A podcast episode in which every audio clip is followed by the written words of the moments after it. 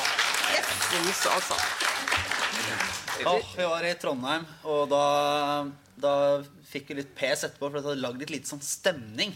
Altså, først, for å markere at vi nå var i gang. Eh, Så velkommen til, eh, til denne delen av Aftenpoddens lille turné. Miniturné. Eh, For de som ikke måtte ha forstått det. Eh, Det er da Trine Eilertsen, vår politiske redaktør, og Hei. orakel fra Bergen. Akkurat nå også penest i podden. Det er nesten litt kjipt å sitte ved siden av. Eh, hashtag, hashtag sliten tobarnsmor. Ja. ja. ja. Og så er det da Sara Sørheim, selvfølgelig, kulturredaktør. Og jeg heter Lars Glomnes. Eh, vi har jo dratt ut i landet for å eh, lære litt om hva som skjer.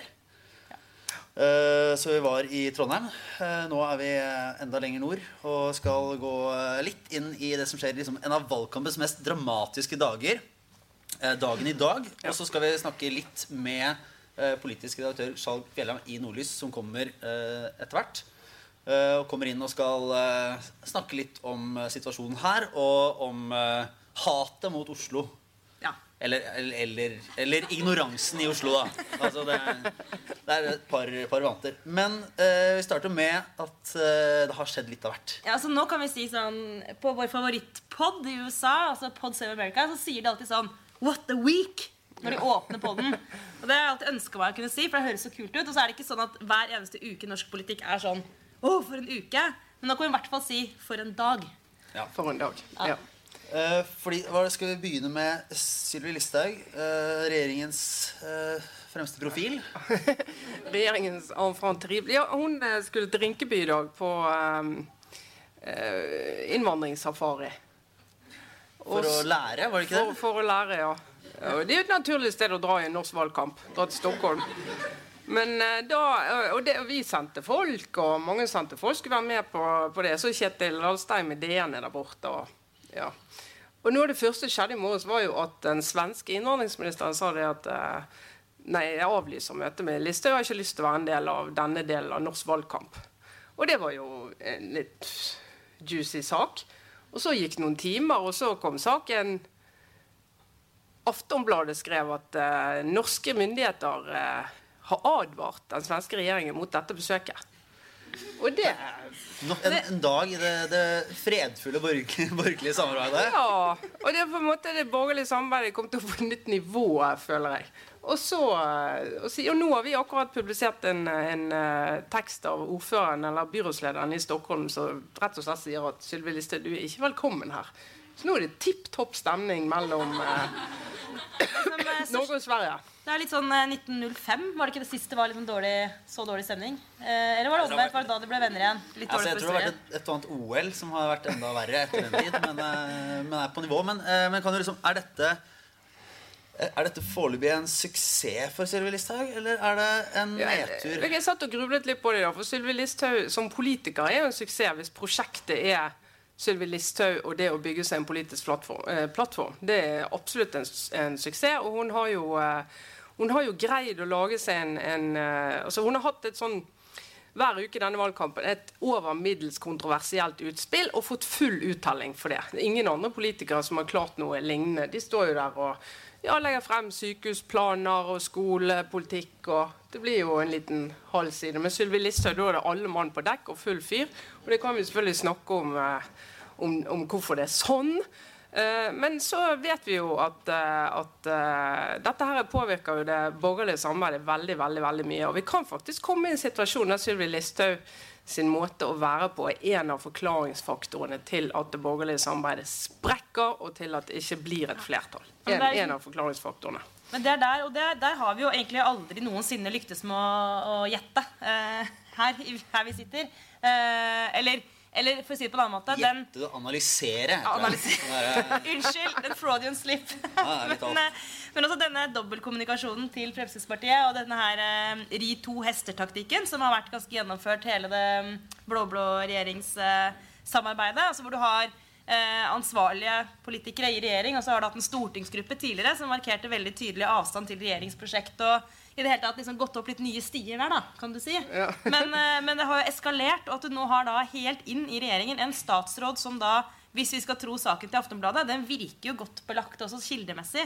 En statsråd som altså aktivt utøver på en måte, eller gjør ting helt i strid med sin egen regjering i såpass stor grad at hennes egen regjering da ser seg nødt til å gå ut mot Altså, Jeg kommer ikke på noen parallell til det. Nei. Ingen Eh, altså, det er ikke SV på gress utenfor Stortinget lenger. liksom. Det er, det er helt Nei, sånn... SV på gresset var jo en gladsak. Altså, SV på gresset var, var skikkelig eh, koselig. Sammenlignet med dette. Men det er jo, det er jo, eh, altså det er jo mange sider ved det. Det ene er jo at altså I en valgkamp så er det ofte sånn i, i regjeringen at da får statsråden altså De får ikke fri, men da har de, bruker mesteparten av tiden sin på å reise masse i hjemfylket sitt eh, og driver valgkamp. Og har litt sånn permisjon fra, fra jobben. Eh, og, de, og alle turene de er på, er på en måte litt sånn valgkampturer. Eh, Og det de gjør av statsrådturer, det er veldig sånn tydelig merket som en statsråd på vegne av den norske regjeringen på tur. Og dette er jo en, en hybrid som eh, jeg tror kommer til å bli veldig diskutert også etter valget. Det er en veldig spesiell måte å bruke tid og ressurser på. Å velge å ta akkurat en sånn studietur, om du vil, som hun skal jo lære, eh, til Stockholm akkurat nå, en eh, liten halvannen uke før valget. Eh, det er heller ikke noe som ligner på det eh, som jeg har sett. Og så gå rett inn i akkurat det problemfeltet, eller det, det saksfeltet på den måten der. Og så er Det jo, det har jo vært kjent at det ikke har vært helt populært dette i både KrF og Venstre. egentlig, Men vet jo også fra samtaler med folk i Høyre at det er noen som begynner å bli ganske lei Ja. av å se Sylvi Listhaug drive sitt eget eh, game da, og sin egen eh, valgkamp. Og, eh, og gå liksom på siden av det borgerlige prosjektet. Det, blir jo, det er jo spennende etter hvert å følge de indre spenningene i regjeringen. Og har vært ganske flinke under Erna Solberg til ikke lekke konflikter internt. Altså faktisk Under de rød-grønne så syns jeg at jeg husker at det var, var flere saker der man kunne kunne du fortelle om at, at Senterpartiet sto mot Arbeiderpartiet og SV, eller SV liksom, hadde et eller annet internt opprør. Det er det egentlig ganske lite av mellom de to partiene i regjering nå. Ja, men det rare er at i denne regjeringen, fordi de har disse støttepartiene, så har jo alle konflikter mellom eh, KrF og Venstre og regjeringspartiene, de er jo out in the open. Og? I motsetning til under de rød-grønne, som gjorde veldig mye opp eh, seg imellom uten at det kom ut til oss nødvendigvis, så er jo dette, eh, denne regjeringen av natur litt mer åpen. altså Det er mer innsyn. Vi får mer, vi, vi får mer innblikk i, i politiske uenigheter. Men det er mulig at det har på en måte Bak der igjen Ja, så har, liksom, ja. har Høyre og Frp kanskje klart å skjule faktisk en del av de, etter hvert hva jeg kan forstå, ganske heftige eh, konfliktene dem imellom. Vi har kanskje, som i hvert fall Pressen har kanskje vært mer opptatt av å se på gnisningene opp mot eh, støttepartiene. Da. Fordi jeg, det virker jo som om eh, misnøyen rundt Listhaug er jeg, Det kan virke som den er sterkere langt inn i regjeringen enn det vi tidligere har trodd. I hvert fall tyder ting på det. At det er, det er et spenningsnivå eller en slags sånn konfliktnivå der nå som er Om ikke høyt, det vet jeg ikke, men i hvert fall sånn det merkes særlig i Høyre at det er ubehagelig å ha en statsråd som så tydelig har sitt prosjekt som hovedprioritering foran regjeringens store fellesløft. Ja, og det, det er veldig spesielt Når du er statsråd, så er jobben din å fronte regjeringens politikk. Det er, det er 100 av arbeidstiden din, unntatt som sagt i valgkamp. Da kan du få lov å kjøre litt eget. Men mens, å holde på med en sånn butikk i butikken, det, det skal du ikke gjøre. Men så jo, får du jo spørsmål, og det kommer jo nå. Ja, men hva med Erna Solberg oppi dette? Hun er sjefen for denne regjeringen. Eh, Hun har, eh, hun har ikke personalansvar for det, men eh, hun har medarbeidersamtaler med dem. Hun er visst veldig dårlig til å ha medarbeidersamtaler, har jeg hørt. Det er vi gode, det er vi gode kilder på. Men det, hvordan da? Nei, okay, hun, bare... hun liker det ikke. Nei, altså, jeg tror hun er, eller sånn som jeg forstår henne Hun var jo i podden vår forrige uke også og snakka om det med at hun er opptatt av kun, at folk av hennes Går. Forrige uke går. Ja. Herregud, i går! Nå, nå, ja, det er valgkamp. Det går litt i surr. Men, eh, men eh, hun snakket der om at hun er opptatt av at folk skal kunne sakene sine. Og etter hva jeg forstår, så er det det hun også snakker med medarbeidere om. da, Eller med statsrådene. da, Altså saker. eh, Og foretrekker å holde seg der. Og blir litt sånn Det er ikke så mye pusing om hvordan de har det, og hvordan de sånn, føler. Og Nei, litt sånn Hva føler syns at du de blir om verdsatt på jobb og sånn. Føler du at jeg ser deg? Eh, er, du, er du trygg? Nå, nå skal vi lage utviklingsplan for deg. Ja. Der er hun ikke så. Eller det er ikke hennes hva skal vi si, det er ikke hennes fokusområde. Eh, å være god på akkurat det. Etter hva jeg forstår. Ja. Men Men, ja. men, men, du får jo den eh, diskusjonen eh, altså, For dette blir jo forklart på, på to måter, eller flere måter. ene forklaringen hvis du snakker med folk i Høyre, det er at eh, ettertiden kommer til å på en måte takke oss for at vi holdt Frp på innsiden i en tid der hvis Frp hadde vært på utsiden av regjering, og hadde vært virkelig fri dressur å kunne piske i alle opprørte vann eh, i alle saker som har eh, sveipet over eh, Europa og resten av verden de siste årene, så hadde de vært et mye større parti og mye mer populistisk parti. Nå holder vi de tett på oss, ansvarlig. Det, prisen for det er at vi må la de holde på med ting. Altså de, det er jo i praksis Sylvi Listhaug, og selvfølgelig stortingsgruppen. da. Per Sandberg har forsvunnet inn i en fiskebåt. Så han hører vi ingenting fra. Det var jo han som på en måte hadde gjort dette glansnummeret i starten. Eh, men han har forsvunnet inn i fiskeripolitikken, og Sylvi Listhaug har, har, overtatt den rollen for å liksom være the real eh, Frp.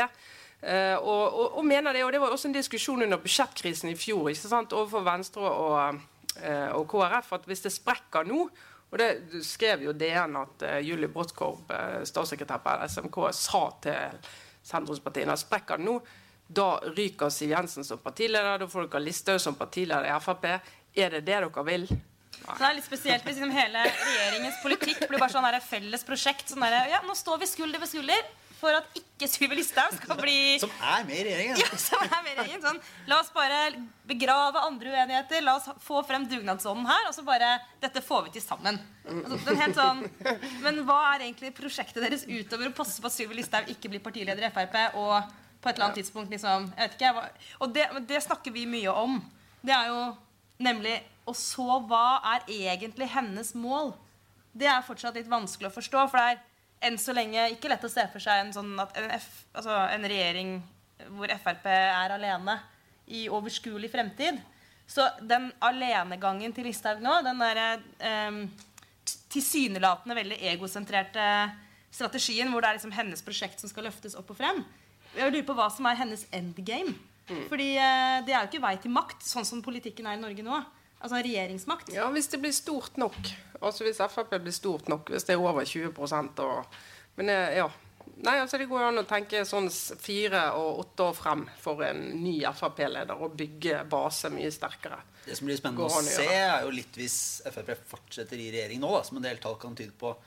Uh, hvis det skulle overraske etter, etter veldig mange valger med med rød-grønt flertall, at de borgerlige faktisk får fortsette. Om eh, Siv Jensen da fortsetter som partileder, og Sylvi Listhaug fortsetter å skulle dytte på dette her og være like provoserende i fire år til. Mm.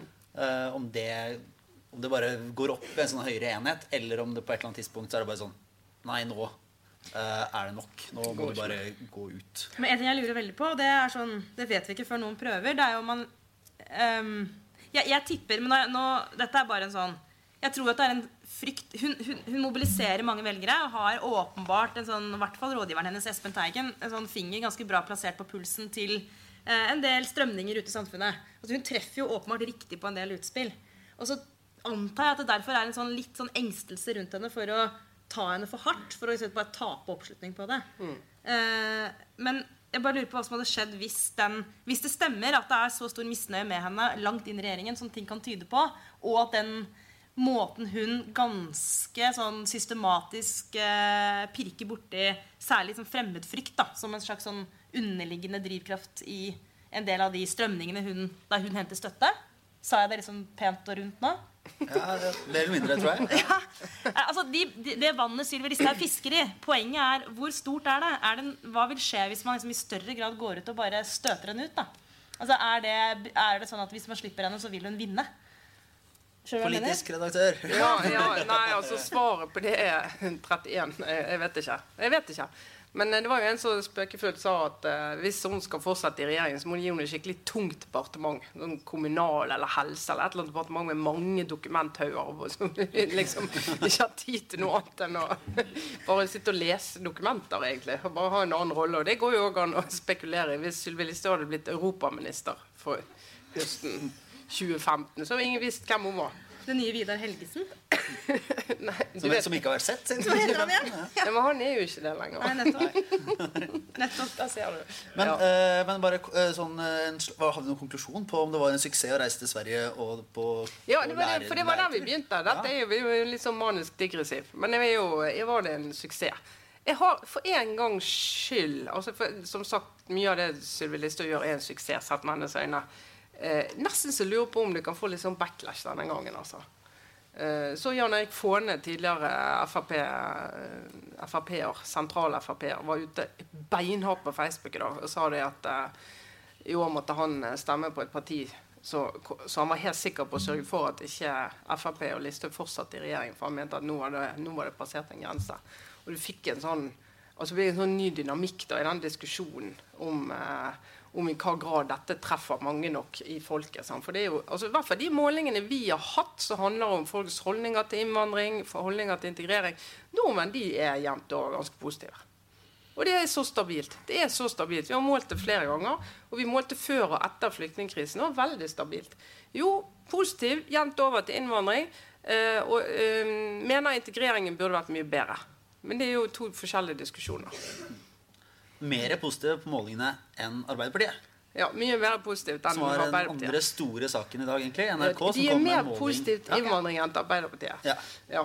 For det kom en ny ja, ja, NRK-måling. Norges befolkning er faktisk Norges befolkning er faktisk det.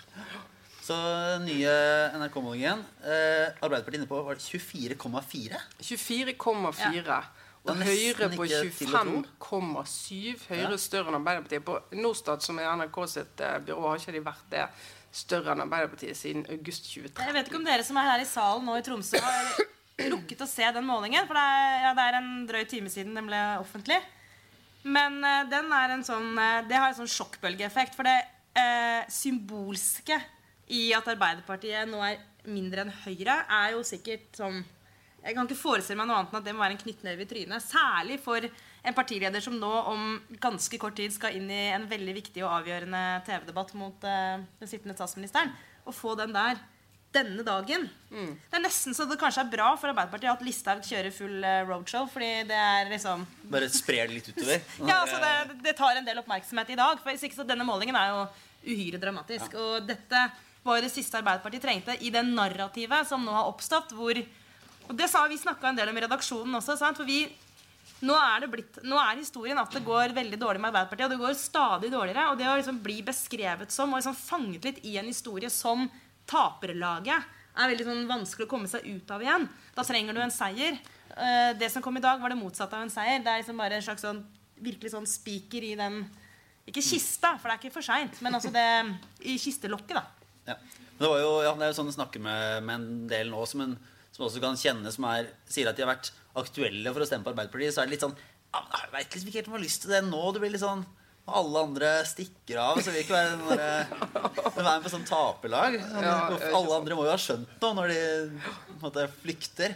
Og det er jo en ganske farlig situasjon å være i. Det er veldig farlig. Så kort tid før valget er det en veldig farlig, farlig situasjon å være i. Jeg må jo si at Jeg trodde jo da de dårlige målingene kom i forkant av Varendalsuka, så tenkte jeg at ok, en måned før valget det kan egentlig være et, et greit tidspunkt å få et spark i baken på. Altså, da, da er det fortsatt mulighet til å mobilisere. det gjorde jo en eh, Støre gjorde en god figur i den første partilederdebatten. Ting kunne snu. Og så har det bare fortsatt nedover.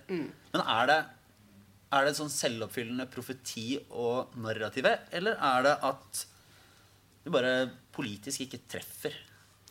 Altså, det er jo Nei, politisk treffer de jo ikke. Og så er det jo mange som og Vi diskuterer Åpenbart ikke.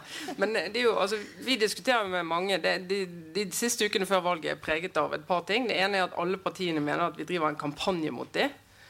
Uh, og at vi, uh, vi tar for lett på uh, deres politiske motstandere. Eh, og mange i Arbeiderpartiet mener jo at nå er det en kampanje mot Arbeiderpartiet, og at det bidrar til Men altså, folk kan si mye om folk, men de er ikke dumme. Eh, og hvis du virkelig har et budskap som treffer, og som folk har lett for å forstå, så ser de forbi ganske mye støy i mediene. Og så Nå har vi skrevet masse om Arbeiderpartiet, men det hadde vært helt umulig å ikke gjøre det med den utviklingen som de har hatt på målingene. Eh, så mediedekning har en, selvfølgelig en viss sånn effekt, men det er ikke avgjørende for den veien et parti går. Det er det deres egen valgkamp og eget budskap som gjør. Ingen partier har flere og mer og større ressurser enn Arbeiderpartiet har til å drive valgkamp, til å lage Facebook-kampanjer, til å fly rundt overalt og få fortalt sitt budskap. De andre bitte små puslinger i forhold, men ingen som strever så voldsomt heller. Vi er ikke, men det er ikke så veldig lett å Vi satt i bilen på vei til eh, Gardermoen i dag og diskuterte sånn Ok, la oss bare prøve. liksom, Hvorfor? Hva, hva er grunnen? Og det er ikke veldig, veldig lett. Det Da, er, da, ja. da Trine Eilertsen eh, kjørte oppover E6 i en Honda Civic 96 Jeg, jeg, ble, jeg trodde ikke mine egne øyne da jeg kom plukka meg opp. Det var en Ja, men sånn Trine som ikke går an å- Eilertsen-aktige bilen jeg noensinne har sett. Ja, men det er overraskende. Jeg har mange dimensjoner. Ja, men du, har du eh, virkelig? Jeg trodde du skulle altså jeg, jeg tenkte Enten er det sånn Tesla-aktig, eller så er det sånn praktisk SUV. Ja. Men, men sånn skrab Det hadde jeg ikke Det var ikke liksom Ja, men det er som når du kjører på sånn fartsdumper, så går bare gasj dere opp. For det er ødelagt. Og så virkelig helt opp. Det, ofte går det ned igjen. Men legg eh, bagen baki der, du, Lars. Ja, ja, ja. Ja, for det, så- det regner jo ikke nå. Nei. Det gjør ikke det. Nei, men det er en fin bil. Jeg har hatt den lenge. Ja. Men vi hadde et slags arbeidsmøte i den der eh, veldig gamle bilen. Honda Eh, Civic. Hondaen. Og jeg prøvde jo etter beste evne å, å ramse opp. Ok, hva er grunnen? Hva, hva kan vi komme opp med? Noe har vi snakket om før. Åpenbart skatt, dårlig sak. Eh, for alle, også for Arbeiderpartiet, også nå. Men så liksom Hva mer? Eh, vi kan ikke si at vi klarte å Vi kom ikke frem til det vi mener er en fasit. Men vi var jo innom litt flere forklaringsmodeller, da. Husker dere dem? Nei. Nei. Men uh, Skal vi prøve å gjette? Jo, Nei, men det- altså, jeg, jeg husker en, ja, nemlig. ja, ja, ok, ja, Jeg kan huske en annen, eller i hvert fall referere en, eh, en samtale jeg hadde på Fafo-festen. Der jeg var invitert. da Dere var jo ikke det forrige uke. Eh, og da var det en som sa en ganske sånn uh, Som har vært veldig sentral i Arbeiderpartiet, som sa at ja, men dette er ikke noe overraskelse. Det her er visst i to år, fordi det har ingen saker å komme med. Ja. Altså, det er en, en mangel på en, en positiv på måte, visjon. Eller det høres så dumt ut, da. Men eh, en, noe, hvis du skal spørre en haug mennesker på gata hva Arbeiderpartiet skal gjennomføre hvis de får makta de neste fire årene, så tror jeg det er ganske få som kan svare på det helt konkret. da. Ja, og, og vi har jo snakket om at de har snakket mye om, om, om uh, ulikhet. Og som jeg sa, det er å spa velgere over til SV. Bare løfte de over, der de kan få veldig klare svar på hvordan du skal bekjempe ulikhet og barnefattigdom. Mens Arbeiderpartiet de skal ha øke skattene for å få råd til mer velferd. Velferd er et flott ord, men for mange så blir det sånn Hva da velferd? Noe som angår meg? Hva, hva for noe velferd er en sånn sekkebetegnelse? Hvis du kan si barnefattigdom, da har du liksom en sak som er konkret og fin. Og så selvfølgelig den distriktsdiskusjonen, som jo er å spa velgere over til Senterpartiet. Og så har Arbeiderpartiet prøvd å legge seg litt opp og, og vegetere, si, eh, spise litt eh, av eh, den velgermassen. Men de går jo til, til originalen når det gjelder. Og så kan du si at det er jo ikke som at Høyre at vi ville fått veldig mye klare svar hvis du hadde spurt det samme om hva Høyre vil, men de kan nå i hvert fall foreløpig hvile seg på at, eh, at folk ikke virker fullstendig utslitt av fire år med borgerlig regjering. Ja, Og, og har en, en sånn så er det den der eh, Litt sånn som vi så i 2009 etter finanskrisen. Du får et sånn eh, altså positivt styringstillegg. Du er, du er den regjeringen, den statsministeren som ledet landet gjennom en krise uten at det gikk helt over styr. Eh, Det gikk bra. Vi går inn i valget når liksom pilene begynner å peke riktig vei. Og så eh, skal folk Ja, litt sånn usikker på det. Det var noen mye rare partier rundt Støre nå. og Skulle ikke bare satset på det trygge tross alt. Men så kommer denne verdidebatten, da. Ja, så... og den er spennende. Ja, du tenker altså med, Ja, ja, ja. Støre gikk ut i Dagbladet på lørdag og sa at nå er det verdivalg. Og Erna Solberg har sluppet Sylvi Listhaug og Frp i regjering. De får lov å snakke hvordan de vil uten å bli stoppet. Dette går ikke. Altså en anstendighetsdiskusjon. Ikke tilfeldig timet, vil jeg tro, eh, etter at det ble kjent at Listhaug da skulle til Sverige. Ja, jo, veldig, og det var godt timet. Jeg ville nesten trodd at det hadde en uh, umiddelbar effekt. Jeg. Det kan ikke forstå annet enn at en del, men det er mulig de allerede har bestemt seg. Altså, det er ikke sant, Listhaug plutselig denne uken ble den politikeren hun er. Så det er ikke sikkert det flytter så mange. Altså, det, de som uh, ikke vil uh, ha en regjering hvor, hvor, hvor hun er med, de har uansett for lengst landet et sted. I hvert fall på, på den andre siden. da. Eh, men, men en, en annen ting er de der makrotendensene vi ser. Altså, i, eh, vi ser jo sosialdemokratiske partier over hele Europa sliter. Men det er også en tendens til at det, at det å være et sånt stort eh, si, altså, De store partiene som skal favne alt, alt eh, blir utfordra av, altså, av mindre partier som har tydelige enkeltsaker. Ikke bare i norsk politikk, men det er en veldig tydelig tendens nå at eh, Miljøpartiet De Grønne eksempel, eller miljøvelgerne de, de kan velge selvfølgelig gå for Høyre Arbeiderpartiet, men hvorfor skal de det, eh, egentlig? Eh, og dessuten fins det nå gode alternativer for de fleste. Sånn, hvis, det hvis du mener at det er den ene saken. Eh, og du sa det, Trine. SV er, Hvis du er veldig opptatt av, av fordeling eh, eh, mer rettferdig fordeling, så er det egentlig veldig åpenbart at SV er et sånn altså, Der blir du tatt på alvor. Så det er en sånn der tendens til at det der å være et mer sånn der, Som i gamle dager var liksom sånn Men vi er et styringsparti, de kan stole på oss. Det er ikke nødvendigvis lenger en Det er i hvert fall ikke en velgermagnet. Eh, og selv om Høyre gjør det relativt bra nå, eller veldig bra på den siste målingen, så ser vi den samme tendensen. Det har vært mye fokus på Arbeiderpartiet, men, men Høyre har heller ikke noe enkel eh, sånn, altså De har heller ikke noe sånn det er ikke en, det er ikke en, en, det er ikke, de ser ikke et oppsving. Se på se hva som skjer med Senterpartiet, derimot. Mm. Så den der, den der vridningen mot at det er partier med enkeltsaker og småpartiene som er på en sånn vei opp, kanskje er det et, en, en protestbølge, et bilde på det, det også. Ja. Men så- skal vi, nå skal vi snart koble på Sjall her oppe, da, altså fra, fra Nordli, som kanskje kan bidra med noen eh, ikke Oslo-ifiserte betraktninger om det vi snakker om nå. Kan du ikke bare komme med sånn? Ja. Så mens han eh, kommer ned, så bare nevne altså Bjørgulf Broen i Klassekampen skrev jo en leder i dag som var eh, interessant å lese, hvor han sier tar utgangspunkt i det at Arbeiderpartiet, som mange andre store sosialdemokratiske partier, er litt i oppløsning, eller smuldrer veldig. Eh, og sier det at eh, du får disse i, praksis ensakspartiene, da. Uh, Istedenfor. Og som han sier, vet vi hva vi får etterpå? Uh, litt sånn til forsvar for at vi har noen sånne store partier som ser helhet. Så det var jo uh, en leder som dere kan lese hvis dere vil. Velkommen, Skjalg. Takk skal du ha. Så hyggelig å få deg på inn i kommunestyresalen. Vi var lurt forresten, Det var litt sånn forvirring hos oss da, for, før, før vi skulle hit. på den var sånn, ja ok, Er det måte et møterom som heter kommunestyresalen? Og så er det den faktiske kommunestyresalen? Ja, det her, her er det de viktige beslutningene i Tromsø by blir tatt. Ja, ikke sant? Og, skulle, skulle man følge det, det sånn klisjébildet av ting som bygges rundt om i landet, så har den kosta sånn som 200 millioner. Eh, er det ikke det? Ja, det var veldig dyrt. Det står over en milliard. Ja. Det var for ti-tolv år siden. Altså dette rommet vi sitter i nå, eller hele bygget Ja, bibliotek hele, hele og bygget. Hele bygget. Bare for å ha det presisert. Det ble fint, da. Ja. Men eh, kan ikke du Vi er jo her ute altså Vi er i, i Tromsø, vi har vært i Trondheim. Vi skal jo på en måte prøve å få litt inntrykk av det som skjer utafor bobla vår, da, som vi ofte erkjenner at vi sitter i i Oslo. Så kanskje du kunne bare trekke i noen linjer om hva som er valgkampsaken, og eventuelt skiller valgkampen her fra, fra den nasjonale? Jeg tror Den skiller seg ikke i noe vesentlig grad fra den nasjonale valgkampen. Det er de samme sakene som opptar velgerne her som ellers i landet. Men det er det er to saker kanskje som peker seg ut. Det ene er selvfølgelig sentralisering. Veldig, ser ut til å være veldig viktig for nordnorske velgere. Det Diskuteres masse i, i nordnorske aviser. Og så har du eh, forsvarspolitikken, som er et element her som, eh, som er noe sånn særegen, som er en særegen interesse for i Nord-Norge. Det er blitt liksom eh, hva skal vi si, altså flytting av Hærens helikoptre fra Nord-Norge til Rygge i Østfold, av alle steder i, verden, er liksom blitt, blitt eh, eh, Hva skal vi si selve, Sa med bevi forakt. selve, selve beviset på at eh, hovedstaden eh, ikke oppføre seg pent. Hvem er, hvem er det, hvem er det men som Rygge, vinner? og Rygge er ikke Oslo, bare det Nei. Nei, bare Østfold. presisere det. Men hvem er det som eh, Ligger langt fra russegrensa. Ja. Det er det som på en måte vekker litt oppsikt. da, ikke sant? Ja, et stykke. Ja. Ja. Ja, jeg lurer på Hvem er det som vinner eller taper? eller Hvordan, er, hvordan står, er det liksom de samme skillene? Altså, Regjeringspartiene får, hard medfart i Nord-Norge. Både Høyre og Fremskrittspartiet gjør det dårlig på målingen og ikke i nærheten av de tallene man ser nasjonalt.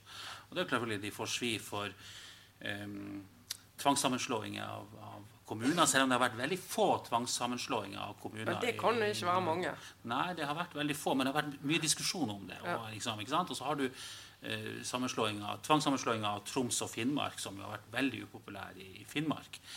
Fylkene, altså. Og, eh, og, og eh, Senterpartiet er svær. 15-16% i Nord-Norge. Eh, og det, det ser ut som de, de vegeterer veldig i denne, i denne sentrum-periferi-aksen her i Nord-Norge, som, som alltid har vært ekstra sterk i Nord-Norge. Det, det er ikke til å legge skjul på. Det, det er på en måte en tradisjon for at uh, misnøyen med Oslo-makta den, den, den vokser liksom proporsjonalt med avstand til, eh, til hovedstaden. Men han er jo det, det, Jeg har jo bodd i Bergen i noen år, som jeg ikke kan lyge på meg noe annet. Og det, og jobbet i avis der i Bergens Tidende. Og da var det var litt sånn vittig, for da var det jo da var det Bergen som var liksom eh, hovedstaden på Vestlandet. Og hvis du kom inn i Hardangerfjorden eller ned på Stord, eller et eller annet sånt, så var det akkurat samme diskusjon. Er ingen i Bergen som ser oss, ingen som bryr seg om hva vi driver med. Og så har du den spenningen mellom Tromsø og omland, og Hammerfest og omland, og Bodø og omland. Det vil jo Absolutt. Helt rett. Vi, flere lag av sentralisering. Ja, altså vi er jo kanskje I Tromsø er en, en slags um, miniutgave av Oslo på mange måter.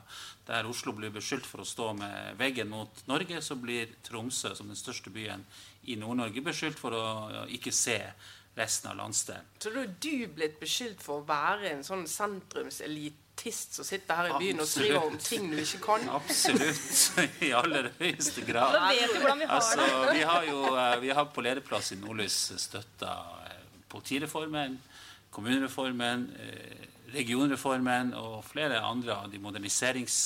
De populære populære De populære reformene til regjeringa. Det har vi jo fått svi brutalt for.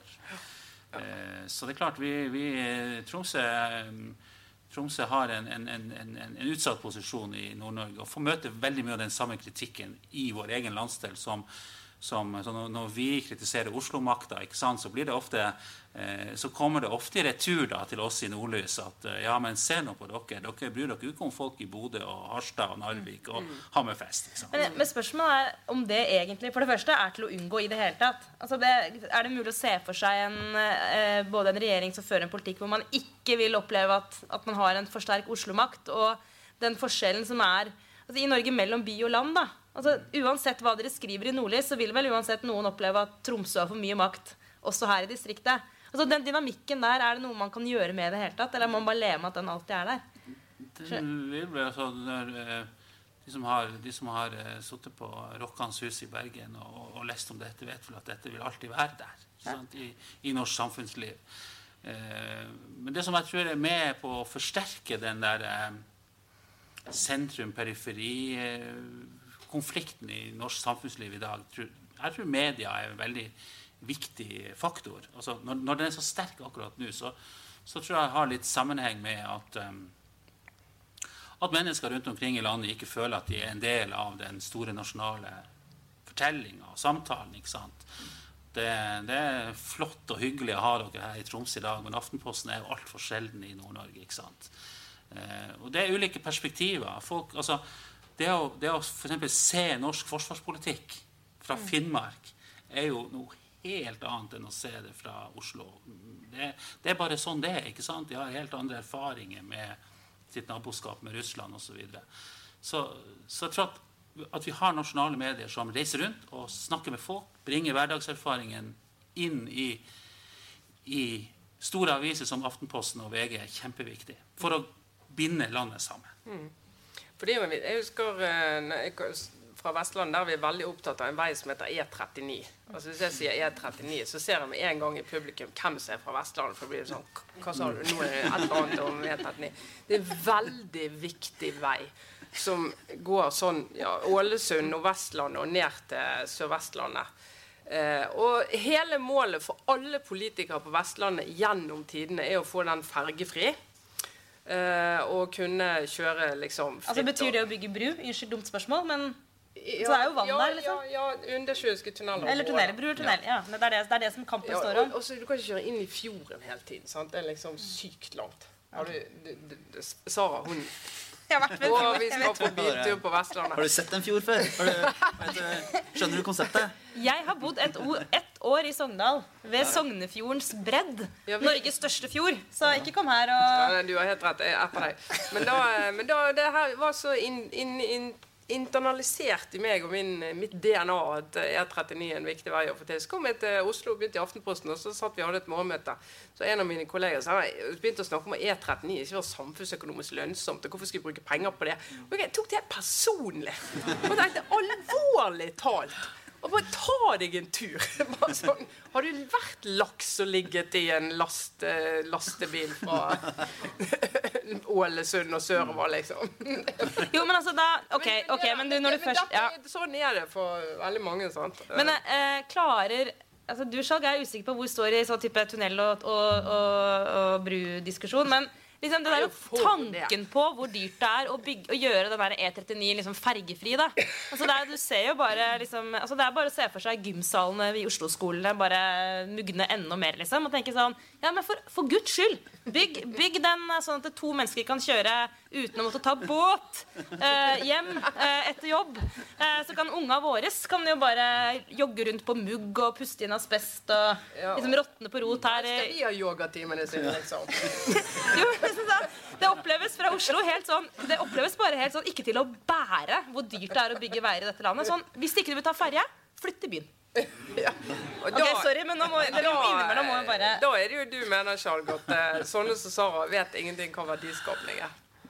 Ja, vi- Nå legger du ord i munnen hans, Trine. ja, Ja, men vi, men vi tenkte Det var jo fint å gi deg anledningen til å, til å, til å på en måte sette sentralmakta på plass. da Ja, altså, um, dette med verdiskapning Jeg skrev en kommentar her om dagen om MDG, som ble en, eh, som ble en sånn sånn, um, tolka som et sånt uttrykk for Oslo-forakt og Oslo-hat. Ja, men det var jo og vi det. spiller jo litt på Vi spiller jo litt på periferipopulismen. Jeg kan ikke legge skjul på det. Men, men, um, men eh, altså, jeg tror eh, at hvis du bor i Vesterålen eller Finnmark eller Senja og drar på valgdagen og stemmer på MDG, ikke sant, så så jeg nesten si det så sterkt at noen burde ringe lensmannen og få ta en promillekontroll på vei hjem fra eh, valglokalet fordi at det er en stemme for, eh, for rett og slett en eh, nedlegging av ditt eget lokalsamfunn. ikke sant?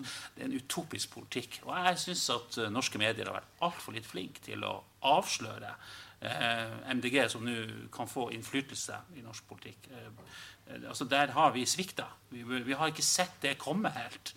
Um, jeg tror det er angst uh, blant mange utafor Tromsø. MDG står også ganske sterkt i Tromsø, faktisk. Men når du kommer ut og rundt omkring i, på landsbygda her, så tror jeg liksom tanken på at vi ikke skal bygge veier lenger i Norge det er absurd. ikke sant? Ja, I et land som Norge med sin topografi og demografi og Hvorfor i verden har ikke Aftenposten liksom trykka til og fortalt Norge hva dette partiet står for? ja, men hvis, hvis det ikke lenger kan, Du kan ikke bo der lenger uansett fordi havet har steget så mye at eh, de øyene de er, fins ikke, de. Så det, er- altså, det er noe med å sette ting opp mot hverandre. Da. Nå har vi brukt litt tid i Aftenposten på kanskje, eller jeg har i hvert fall ikke alltid vært sånn begeistret for uh, småpartienes innflytelse i norsk politikk. For det kan være ganske irriterende Du til skulle tider. ønske du bodde i Storbritannia, egentlig. Altså, et Topartisystem er altså, Hva er galt med det? Men, eh, men eh, når det er sagt, så bare for å tale, tale MDG sin sak, så, så har jeg også respekt for at okay, men hvis du først må velge altså Politikk handler om prioritering.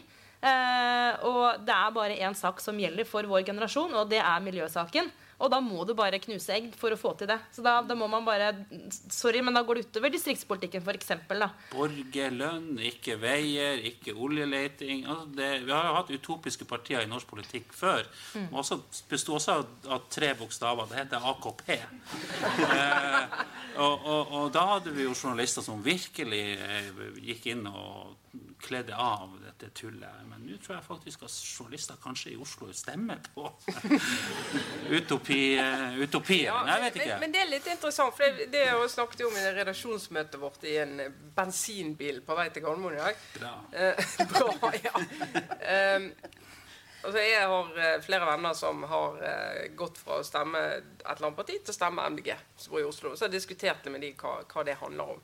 Og eh, noen av dem overrasket meg veldig, og så sa to av dem som jeg snakket med nå i forrige helg det det handler om, det er at resten av politikken den tar jo de store partiene seg av. Sånn skole og sykehus og helse. Og disse her har ikke sånn i hodet at MDG skal bli et 20 %-parti eller et regjeringsparti. De er sånn, Det vi vil, er at vi skal ha ett parti som bare prioriterer miljø. Og bare har det på altså som, Det er det som er ultimatumsaken for de. Eh, og så sier de og så sier ja, men resten, altså, hva tenker du om ja, helsepolitikken, skattepolitikken? Nei, jeg har ikke lest det. Ikke interessert. Jeg vil bare ha noen som ikke selger miljøsaken i en eller annen forhandling, og så kommer det bare ut noe fislete. Altså. Han ene er en gammel venstrevelger. og den andre stemt på Arbeiderpartiet. Og bare sier det, det blir ikke noe med det hvis ikke du har noen som står og trykker ordentlig på det. En finnmarking som sa til meg her om dagen at fremtida er kanskje sykkel, men den er ikke sykkel på Laksefjordvidda i Finnmark. Altså det, det, det Norge har jo eh, Det er veldig lett å se at MDG sin politikk kan fungere i Oslo eller Berlin eller Stockholm. ikke sant? i, i, det, det er en, kanskje en politikk som passer veldig godt for kompakte byer. Men jeg tror ikke det kan fungere i et land som Norge, som er skrudd sånn sammen som det er med den spredte bosettinga. Og alle som reiser langs Finnmarkskysten, skjønner jo det at eh, hvis du slutter å bygge veier, så, så er det bare å flytte. ikke sant? Mm. Uh, så, så, så der, der, støter liksom det altså Det støter mot virkeligheten. ikke sant? Det er synd at det ikke går an å altså den, den, måten altså et parti, altså Enten er det et parti for, med en bra bypolitikk, eller så er det et parti med, med en god distriktspolitikk. Mm. Det er fortsatt litt for sånn svart-hvitt i norsk politikk. altså jeg hadde ønsket meg, Det hadde vært kult hvis man med troverdighet kunne si at vi har en politikk for storbyene, og vi har en annen politikk for distriktene. Ja, Men det har Arbeiderpartiet prøvd. Se hvordan det gikk. Ja. ja, det gikk jo helt passe, men jeg syns jo de ofte har altså som sagt, jeg synes jo ofte de to store partiene Det å være styringsparti er i grunnen Jeg tilhører vel da klassisk som tenker at ja, men det å kunne styre landet er, jo ikke så dumt, det. Men jeg innser nå at jeg begynner å bli et mindretall på den uh, bagen der. Men, altså, men, det er liksom leit at den konflikten liksom ikke uh, Eller for å si det mer personlig, jeg skulle ønske at jeg kunne elske Oslo, men jeg også kunne liksom elske å være ute i ja, Tromsø er ikke akkurat distriktene, da, men sånn eh, Si at man kan med troverdighet både være glad i hovedstaden vår og samtidig ønske seg eh, et land som er levende, og som faktisk er tatt i bruk. Eh, og Det er liksom litt utfordrende med denne debatten. Det er at det er liksom en veldig vanskelig posisjon å bli tatt. Du må liksom velge. Og det misliker jeg med den polariserte tonen i den by-land-diskusjonen. At det ikke går an å få lov til å elske begge deler. Absolutt. Og Der mener jeg også at dere som er representanter for liksom, distrikts... Altså, eller dere som kritiserer den såkalte Oslo-makta, eh, er jo litt sånn kjipe med at alle som bor i Oslo eller i østlandsområdet, bare blir plassert i den båsen. da. Sant? Nei, jeg vet ikke om jeg føler deg helt der. Nei? Uh, altså, du mener at vi altså, Nei, hvis du bor på Grünerløkka og drikker kaffe latte og kjører elbil, men helst sykler men jeg tror liksom at, ja, men jeg tror, at, jeg, tror, jeg, tror at Norge er helt avhengig av å ha aviser rundt omkring i Norge som kritiserer Oslo. Og kritiserer på en måte mediemakt og politisk makt og økonomisk makt i Oslo. At du har på en måte noen regionale stemmer i Tromsø, Bergen, Trondheim som kan, måte, kan bringe de perspektivene inn i den nasjonale eh, samtalen. Og det er også blitt mye lettere med digitaliseringa. Jeg husker når jeg begynte Jeg jobba over et tiår for en, for en Oslo-avis her i, i Nord-Norge som korrespondent. Og da husker jeg at vi, når, vi, når, vi, når vi skrev i, i, Dagbladet den gangen, så, så måtte man liksom vente til klokka fem dagen etterpå før noen i Oslo leste det du hadde skrevet. Ikke sant? Dagbladet var i salg på Narvesen-kiosken utenfor Stortinget. Nå er det bare noen sekunder, så så kan stemmer fra hele landet bli hørt i, i den offentlige debatten. Hvor, hvor, mye skrur du liksom litt ekstra til da, når du skal gå inn i de debattene? For på en måte altså, Du mener skru til? Ja, jeg tenker at du liksom skrur opp volumet litt, eller går, bruker litt hardere ord liksom, for å for å løfte den debatten? Er det, er det Ja, vi, vi, alle kommentatorer vil vel bli lest. Ja, ja. Det vil vel uh... Ikke alltid. det spørs litt hvor god tid man har hatt, kanskje, ja. til å skrive. Ja, men det er, er, det er på en måte bevisst at uh, du bruker den plattformen til å starte en debatt. til en, Absolutt. Vi vil jo ha, vi, vi, vi, vil jo ha debatt. Og selvfølgelig så er det ikke alle Det er ikke alle som det er ikke alle her i Tromsø heller som eh, er som er tilfredse med den, ofte med den rollen som de føler Nordlys tar. ikke sant? At de kanskje noen ganger føler at Nordlys eh, bidrar til å skape en unødvendig polarisering mellom, mellom, hovedstaden og Nord-Norge. Det hører jeg jo. ikke sant? blir sagt. Så det er ikke sånn at, at, at vi eh, at det er et unisont eh, liksom, krav fra eh, landsdelen av Tromsø at vi skal sitte i Grønnegata her oppe og skrive artikler der vi, der vi refser Oslo-makta. Det er jo ganske sjelden vi bruker storstemmen mot Oslo. Jeg tror er kanskje en av, en av 50 kommentarer handler om Oslo. Eller så skriver vi jo mest om regionalpolitikk og nordområdene og, og uh, politikk i den byen som vi lever og bor i. Og det må jeg bare si da, det, og det er virkelig sånn helt på sånn, Ikke noe flåsete i det hele tatt, men helt sånn eh, på alvor. At det du sier med at redaksjoner må være eh, spredd utover landet, det tror jeg det, har, det, er en helt sånn Det kan du måle demokratiet på. Uh, vi hadde ikke vært noe altså Å dekke Tromsø fra Oslo hadde ikke fungert. Og det, det er på en måte helt greit. Og det er viktig for oss å skjønne at liksom, vi i Aftenposten vi er best på Oslo. Uh, og det, det er det vi skal være. Og vi er en Oslo-avis. Uh, det er ikke noe å skamme seg over heller, fordi det er også en viktig jobb at vi er det. Uh, men liksom, å vite hva man er, og da også vite hva man ikke er. Eh, men det å kunne liksom spørre andre, som vi gjør et ydmykt forsøk på nå, da, eh, er jo de nøklene for at det skal fungere. Men vi må ha, vi må ha redaksjoner som kan eh, de ulike regionene. Hvis ikke så blir journalistikken fjernt fra folk. Ivan Kristoffersen pleier å si til meg at eh, husk på to ting. At eh, du, må, du må, må plage Oslo-makta, og så må, du, og så må du holde et øye med fiffen i Tromsø. Ikke sant? Eh, og det syns jeg i, grunnen er jo et, et, Hvor er fiffen i Tromsø? Er dette fiffen i Dem- Hvem er det, liksom? De bor eh, på eh, vestsida av Tromsøya. Ja. Der bor eh, journalistene og politikerne og næringslivslederne og i en egen enklave, akkurat som Oslo. Så det er ikke så mye som eh, Mens innvandrerne bor i, i egne bydeler i, i, i, i Tromsø. Så, så det er liksom eh, Det er et slags, eh, det er et slags mini-Oslo. ikke sant? Mange av de samme tingene som vi ser. Ikke sant? Egentlig på Nå nærmer det seg sånn eh, avslutning. Altså, tenkte at Vi skulle følge litt oppskriften fra Trondheim med å runde av det som er podkastdelen for resten av eh, landet, så å si. Og så ta litt, et par spørsmål eller to fra et tre, kanskje. Fra salen. Det er noen som har noen innspill. Og så skal vi la folk komme inn til eh, partilederduell.